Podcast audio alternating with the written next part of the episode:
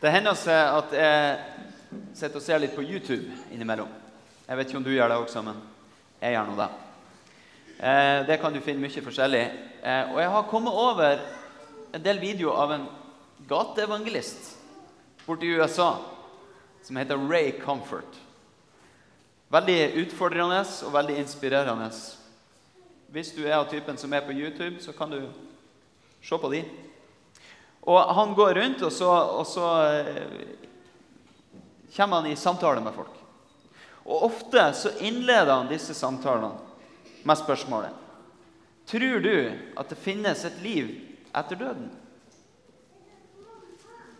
Og da kommer han veldig latt i prat med folk. Og så viser det seg at det er overraskende mange som svarer ja på det spørsmålet. De tror det finnes et liv etter døden. Men hva det er for noe, og hvordan det arter seg, det spriker i veldig mange forskjellige retninger. Og Dermed så dreier evangelisten samtalen inn på hva som må til for å berge det evige livet hos Gud. Og I dag så er vi inne på noe av det samme temaet for preken. Det er en lignelse av Jesus vi skal få høre, og den er veldig alvorlig. Og Derfor er det viktig at vi nå tar imot ordet i et åpent hjerte, så det kan få virke på oss sånn som Gud vil. La oss be. Himmelske Far, vi takker deg for ordet ditt også når det er vanskelig. Hjelp oss å forstå det og ta imot det, så det kan slå rot og bære frukt. Til ære for ditt navn og til velsignelse for vår neste. For Jesu Kristi skyld. Amen. Dette hellige evangeliet, står skrevet hos evangelisten Lukas i det 16. kapittel. Vi leser fra vers 19 til og med 31 i Jesu navn.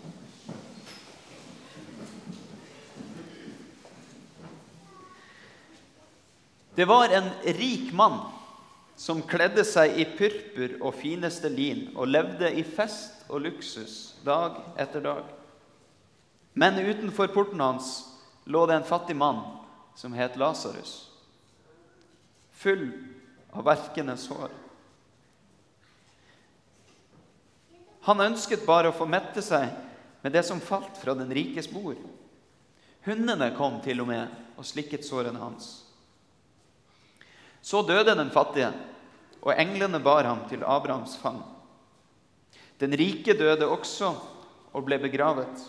Da han slo øynene opp i dødsriket, der han var i pine, så han Abraham langt borte og Lasarus tett inntil ham.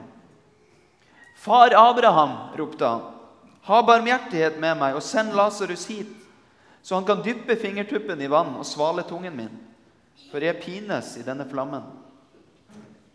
Men Abraham svarte, Husk, mitt barn, at du fikk alt det gode mens du levde, og Lasarus fikk det vonde. Nå trøstes han her mens du er i pine. Dessuten er det lagt en dyp kløft mellom oss og dere, slik at de som vil komme herfra over til dere, ikke skal kunne det, og ingen kan gå over fra dere til oss. Da sa den rike, så ber jeg deg, far, at du sender ham til mine fem brødre hjemme hos min far for å advare dem, så ikke de også skal komme til dette pinestedet. Men Abraham sa, de har Moses og profetene. De får høre på dem. Han svarte, Nei, far Abraham, men kommer det noen til dem fra de døde, vil de omvende seg. Abraham sa, Hører de ikke på Moses og profetene, lar de seg heller ikke overbevise om noen står opp fra de døde. Slik lyder Herrens ord. Hellige Far, hellige oss i sannheten. Ditt ord er sannhet. Amen.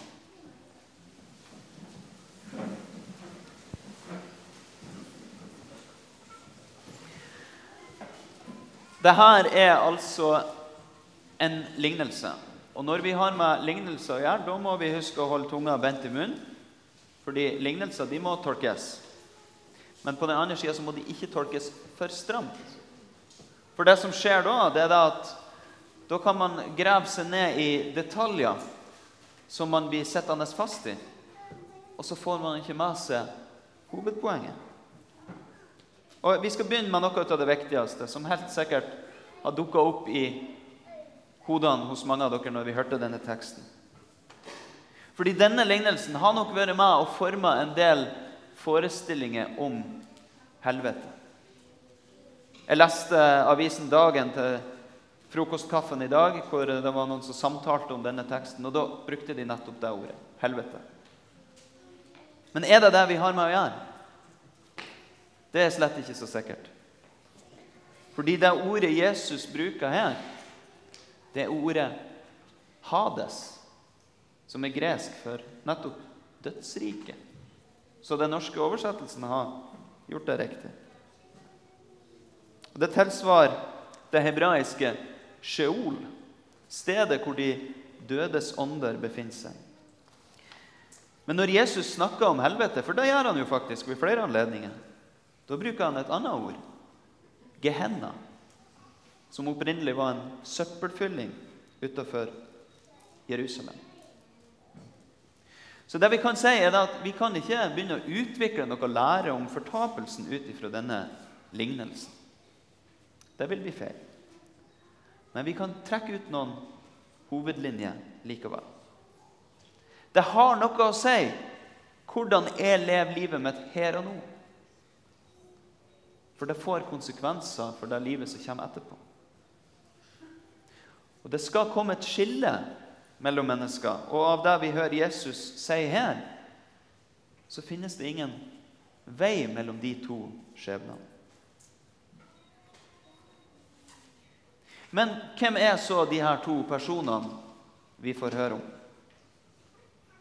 Det første vi merker oss, det er kanskje denne enorme kontrasten i beskrivelsen av deres situasjon. For den ene han er så utenkelig rik at det er nesten helt ute av proporsjoner.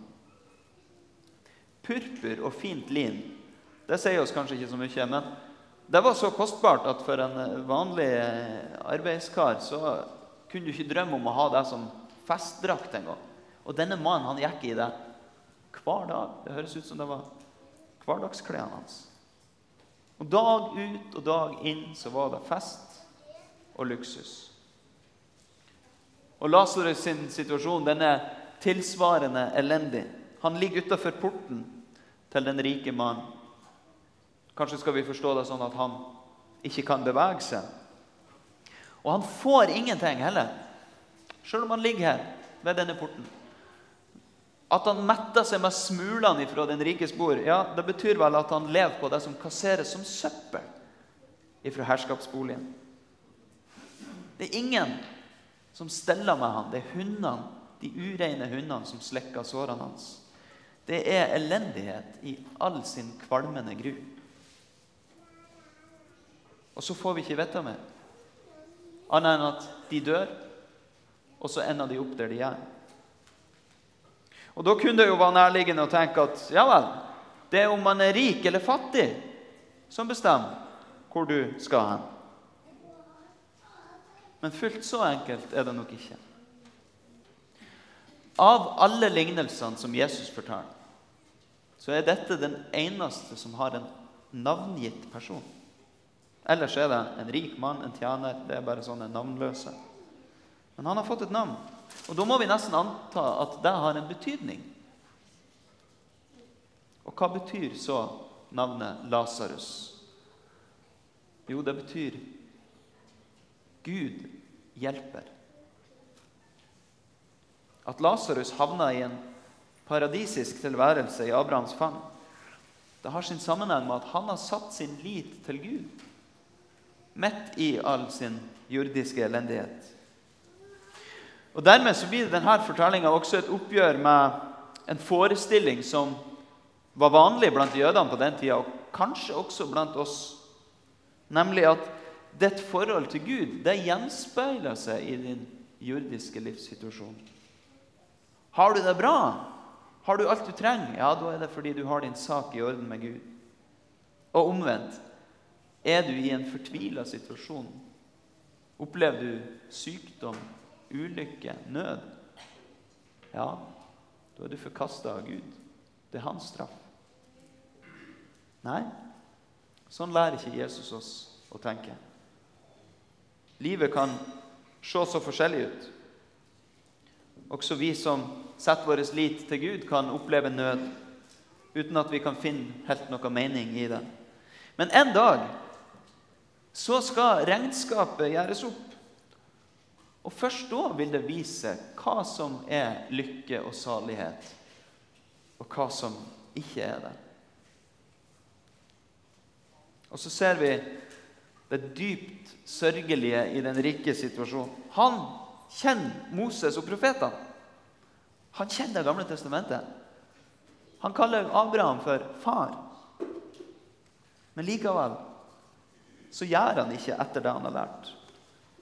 Det gamle testamentet det inneholder jo drøssevis av formaninger om å ta seg av fattige, enker, innflyttere i landet. Vi hørte det jo under tekstlesninga i stad. Men det har denne mannen vært blind for. Alt det han har hatt, det har gått med til hans luksusliv. Og så, sjøl nå, i den fortvila situasjonen han har havna i, hva vil han da? Han vil at hans brødre skal bli advart. Han tenker fremdeles på se og på sinne. Og så ber han Abraham om å sende Lasarus. Det er litt av en frekkhet. Det viser at han vet jo hva denne mannen heter, til og med. Som var lagt utafor porten hans. Og nå vil han at Abraham skal sende han av gårde for å advare hans brødre. Nei, sier Abraham. De har Moses og profetene. De vet hva som skal til. Det får være nok. Og Dette er faktisk et poeng som vi også skal fastholde når vi møter på vantro.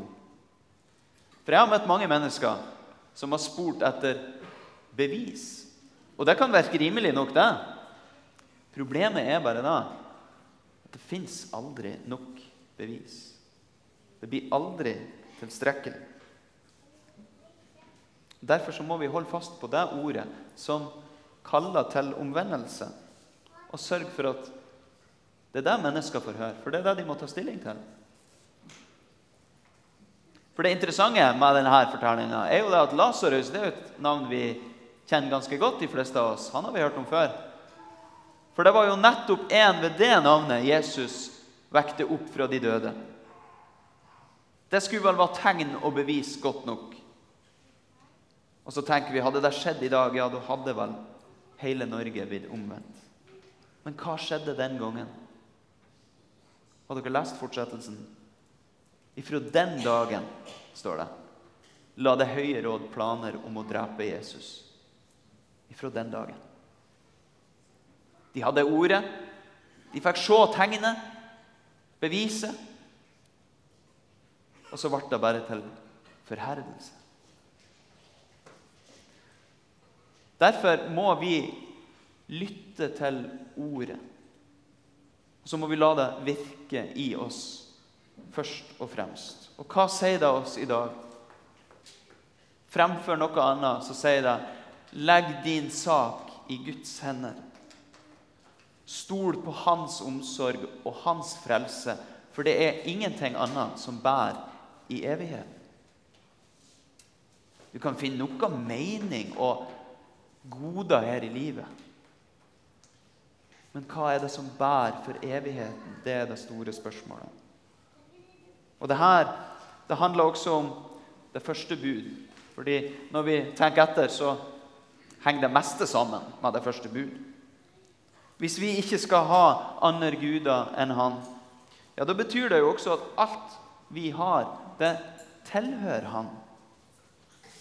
Det vi har, det er noe vi har fått å forvalte. I denne fortellinga så rammes jo rikdommen. Det er ikke noe gærent i å være rik i og for seg. Men Bibelen inneholder noen ganske kraftige advarsler som vi bør være oppmerksom på. Fordi det kan bli en avgud. Og det skal vi som lever i Norge anno 2021, legge oss på sinnet. For sammenligna med store deler av verden i hvert fall, så har vi overflod. De aller fleste av oss er kjemperike i en global målestokk. Vil du ha et konkret råd? Ja, det kan du finne f.eks. i 1. Timoteus brev, kapittel 6, vers 17-19. Forman dem som er rike i denne verden, at de ikke må være overmodige og ikke sette sitt håp til den usikre rikdommen, men til Gud, Han som gir oss rikelig av alt for at vi skal nyte det. De skal gjøre, gjøre godt, være rike på gode gjerninger, være gavmilde og dele med andre. Slik samler de seg en skatt som blir en god grunnvoll for fremtiden, så de kan vinne det virkelige livet. Det virkelige livet, det er det det dreier seg om. Å leve som den rike mann i denne fortellinga. Som lever bare for seg sjøl. Det er ikke liv.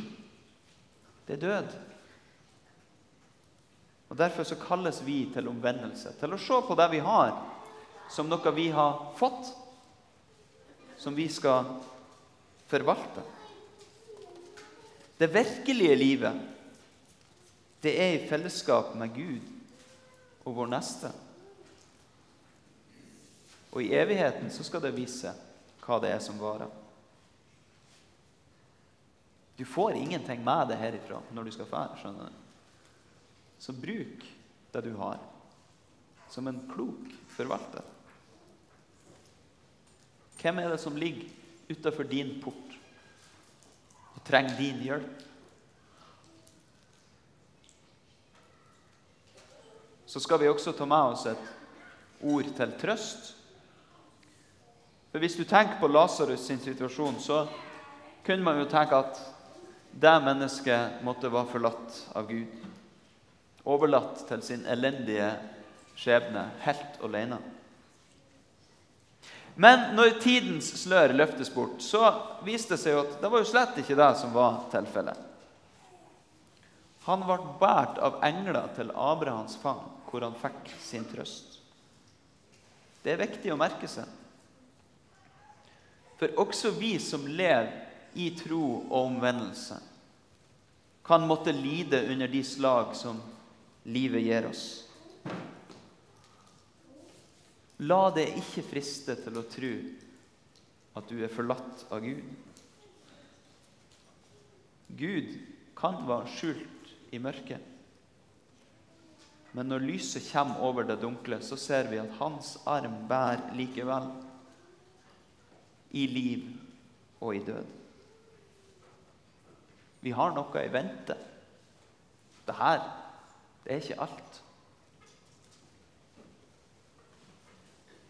Men noen ganger så krever det at vi holder ut i det vi måtte møte av elendighet og nød. Hos Gud så skal hver tåre tørkes av. Og døden, den skal ikke være mer. Heller ikke sorg eller skrik eller smerte, for det som før var, er borte. En dag så skal sløret tas bort for meg og for det, så vi får se. I dag så skal vi også feire nattverd sammen. Og Med det blotte øyet så ser det jo ikke akkurat ut som noe festmåltid. Her. Det ser jo mer ut som smuler fra bordet til en som er rik. Men vi som kjenner Guds rikes hemmelighet, vi vet at dette er det viktigste måltidet du kan få del i. Jesu kropp og blod, som gir liv og salighet. Og her her er vi alle fattige. For det er ingen som har råd til å betale det som Jesus betalte. Her kan vi bare ta imot med tomme hender. Og så får vi en forsmak på den festen som venter i Guds rike, hvor det er overflod til alle. til lykke og salighet med gavene ifra Herrens bord.